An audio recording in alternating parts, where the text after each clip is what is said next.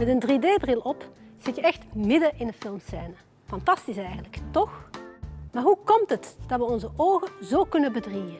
Elektrotechnicus Tine Tuitelaars heeft naast een naam als een gedicht ook een prachtig klinkende podcast voor ons klaarstaan.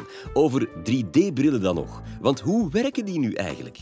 Deze podcast werd trouwens eerst als videocollege opgenomen. Schrik dus niet als Tine het plots over iets heeft dat je niet kan zien.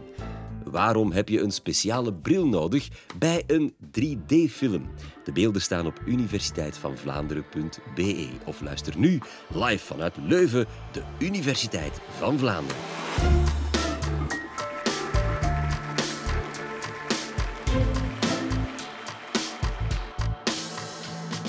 Ik ben een paar weken geleden nog eens naar de film geweest. Dat was echt lang geleden, dus we hebben ervan genoten. Maar ken je dat? Je hebt besloten van naar de film te gaan. Je hebt wat overlegd, je bent eruit geraakt naar welke film dat je wilt gaan kijken. Je hebt wat popcorn of wat versnaperingen mee. En dan is er nog dat laatste dilemma. Gaan we voor de gewone 2D-versie of gaan we bijbetalen voor de 3D-versie? En dat is altijd een moeilijke keuze. Nu, voor mensen die niet vaak naar de cinema gaan, zal ik misschien eerst nog eens even kort samenvatten wat het verschil is tussen die twee. Als je een gewone film hebt, dan wordt het beeld geprojecteerd op een beeldscherm. Dat scherm is volledig vlak en eigenlijk zien we zo enkel maar een tweedimensionaal beeld en gaat die derde dimensie, die dieptedimensie, volledig verloren. Bij een 3D-film krijgen we allemaal zo een brilletje dat we opzetten. En dan gebeurt er iets wonderlijk. Met dat brilletje op zien we plots die derde dimensie terug. En krijgen we een driedimensionale impressie van de film, waardoor je veel meer binnenin het verhaal zit. Nu, vandaag ga ik jullie uitleggen hoe zoiets werkt, hoe het komt dat zo'n eenvoudig brilletje zo'n verschil kan maken. Nu, om dat goed te begrijpen, moeten we eerst iets meer uitleggen over het menselijk visueel systeem. Daarmee bedoelen we hoe zien wij mensen en hoe nemen wij als mensen diepte waar. En daarvoor heb ik dit anatomisch model van een oogbol. Een oogbol laat op zich geen licht door. Behalve door één klein gaatje hier vooraan. Dat is de pupil. En via de pupil valt er licht dat weerkaatst wordt op een voorwerp binnen in onze oogbol. Dat valt door onze lens. En onze lens buigt dat licht een klein beetje af, zodanig dat er op de achterkant van onze oogbol, waar ons netvlies zich bevindt, zich een scherp beeld van de wereld rondom ons uh, gevormd wordt. Nu, dat beeld op de achterkant van onze oogbol, dat staat eigenlijk ondersteboven, maar dat doet er niet toe. Onze hersenen kunnen daarvoor compenseren en draaien dat terug recht. Nu, met één oog kan je geen diepte zien. Je kan dat gemakkelijk testen als je naar een 3D-film gaat en je zou middenin de film één oog afdekken, dan ga je zien dat heel dat 3D-effect gewoon verdwijnt. Om 3D te kunnen ervaren, om diepte te kunnen waarnemen, hebben we twee ogen nodig. Dat noemen we stereovisie. En hoe gaat dat in zijn werk? Onze twee ogen die zien eigenlijk niet exact hetzelfde. Het beeld dat op ons netvlies valt voor ons linkeroog ziet er iets anders uit dan het beeld dat op ons rechteroog valt. Want die staan niet op dezelfde plaats. Er zit ongeveer 6,5 centimeter tussen die twee ogen. En dat maakt dat ons linkerbeeld er anders uitziet dan het rechterbeeld. En het is dat verschil dat essentieel is om diepte te kunnen schatten. Nu, om dat proces goed te begrijpen, gaan we eerst een klein testje doen, een klein experiment doen. Wat we nodig hebben voor dat experiment zijn twee ogen en één wijsvinger. Dus ik denk dat iedereen hier in de zaal het juiste materiaal heeft om mee dit experiment te doen. Daarvoor gaan we in stap 1 gewoon onze wijsvinger voor ons gezicht houden. En we kijken gewoon naar onze wijsvinger. En dan komt stap 2. Dat is de moeilijkste stap. Daarbij gaan we met onze ogen knipperen. Afwisselend ons linker en rechteroog sluiten. Als dat te moeilijk is, kan je ook je vrije hand gebruiken en gewoon afwisselend je linker en je rechteroog afdekken. En als het experiment goed gaat, dan ga je zien dat eigenlijk die vinger precies een beetje van plaats verspringt. Als we met ons linkeroog kijken, staat die wat verder naar rechts. En als we met ons rechteroog kijken, staan die wat verder naar links. Dat komt doordat die dus niet op dezelfde plaats staan. Die verschuiving tussen die twee vingers, dat noemen we als wetenschappers de dispariteit. En het speciale daaraan is dat die dispariteit afhangt van de diepte. Daarvoor gaan we nog een laatste, derde stap doen in ons experiment. We gaan dat experiment nog eens herhalen, maar nu één keer met een gestrekte arm en één keer met onze wijsvinger vlak voor onze neus. En als je die beelden vergelijkt, dan zal je zien dat die dispariteit, de afstand waarover die vinger verspringt, veel groter is als je vinger dicht bij je ogen staat en veel kleiner is als je eh, vinger ver weg van je ogen staat. Dus we kunnen aantonen op basis van driehoeksmeetkunde dat die dispariteit omgekeerd evenredig is met de afstand tot onze ogen.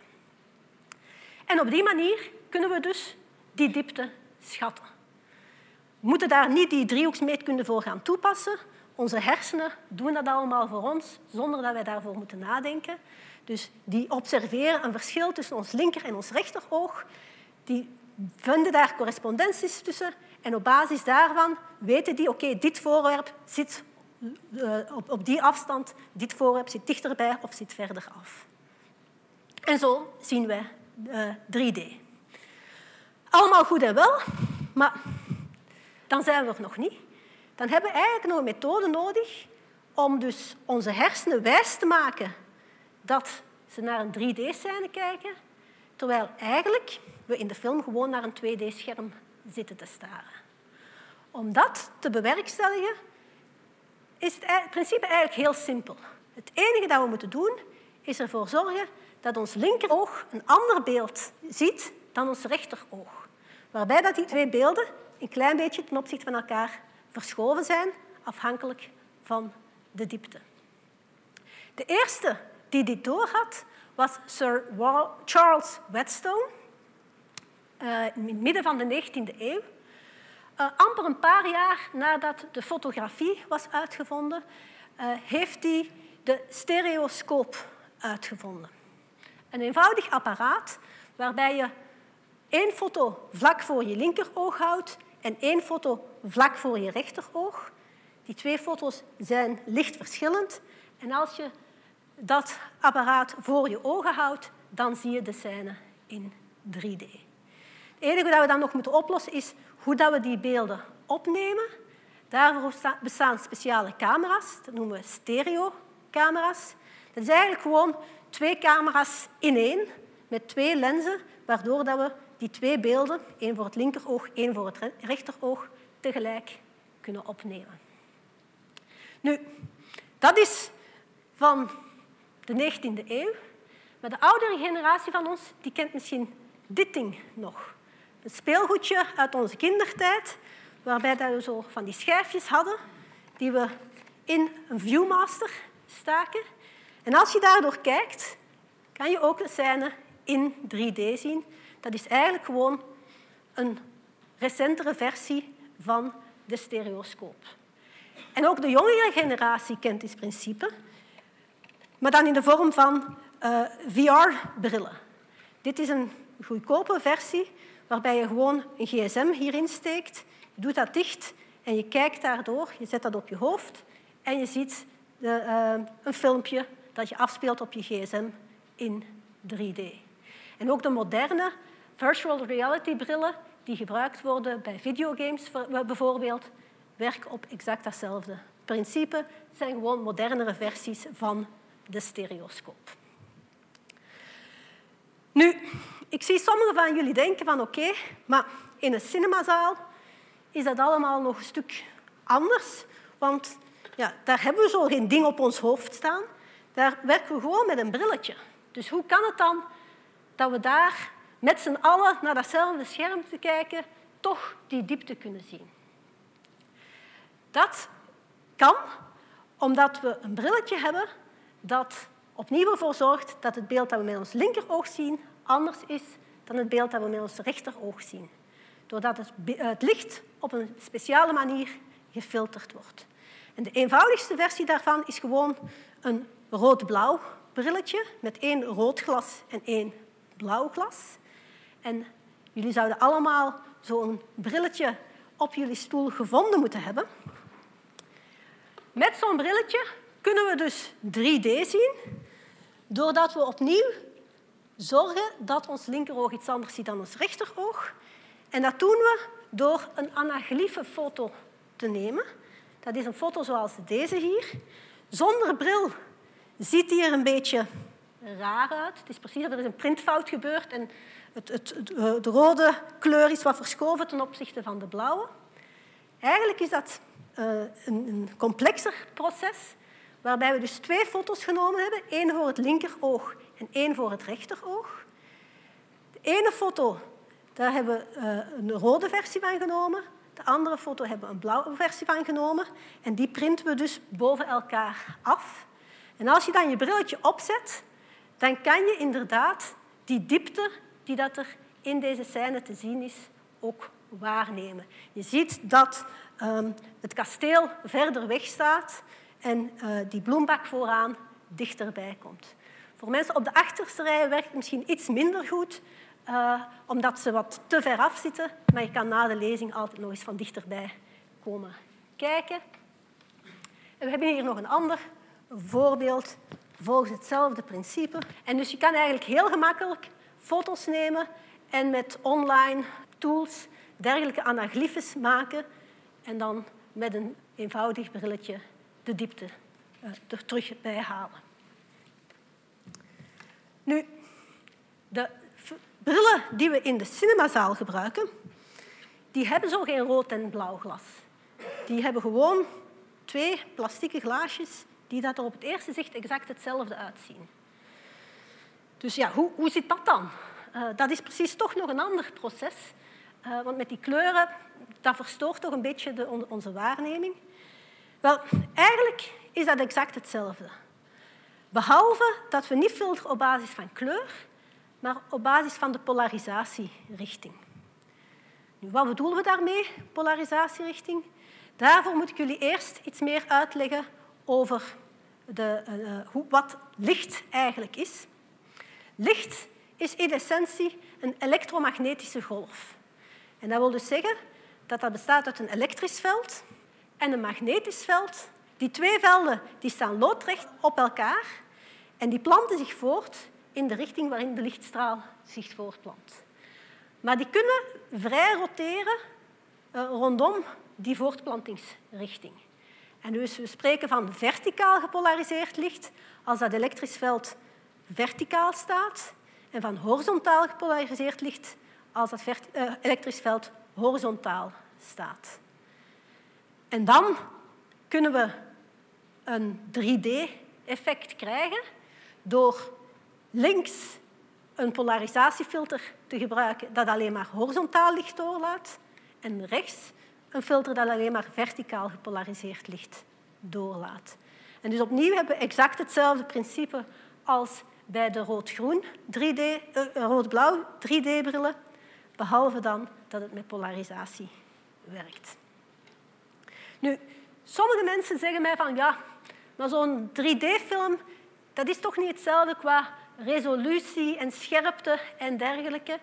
Um, daar gaat toch iets mee verloren. Ook daar is een oplossing voor uitgewerkt. Uh, als je echt de beste kwaliteit wilt, dan ga je niet voor zo'n passieve 3D-bril, maar voor een actieve 3D-bril. Dat is een 3D-bril die in contact staat met het scherm, waar uh, de beelden uitgezonden worden. En synchroon met het scherm gaat die afwisselend licht doorlaten door het linker of het rechter beeld. Op die manier kunnen we de volledige resolutie en scherpte behouden. Uh, en dat flikkeren van die beelden dat gebeurt aan zo'n hoge resolutie dat ons oog dat eigenlijk niet eens uh, waarneemt. Oké, dus waarom heb je een 3D-bril nodig om naar de film te gaan? Omdat met zo'n bril beeld op ons linkeroog anders is dan het beeld op ons rechteroog. En dat hebben we nodig om diepte te kunnen waarnemen. Voilà, de volgende keer dat je naar een 3D-film gaat, weet je eindelijk hoe dat brilletje werkt. Met deze podcastreeks proberen we trouwens alle zintuigen te prikkelen. Niet alleen het zicht, maar ook smaak en gehoor komen aan bod. Zo hebben we een paar uitstekende colleges in de reeks over frietjes en muziek. Wil je toch meer te weten komen over je ogen? Luister dan vooral naar aflevering 193. Kan je blind worden als je naar de zon kijkt? Met oogchirurge Veva de Groot. Heel graag tot daar of tot een volgende keer.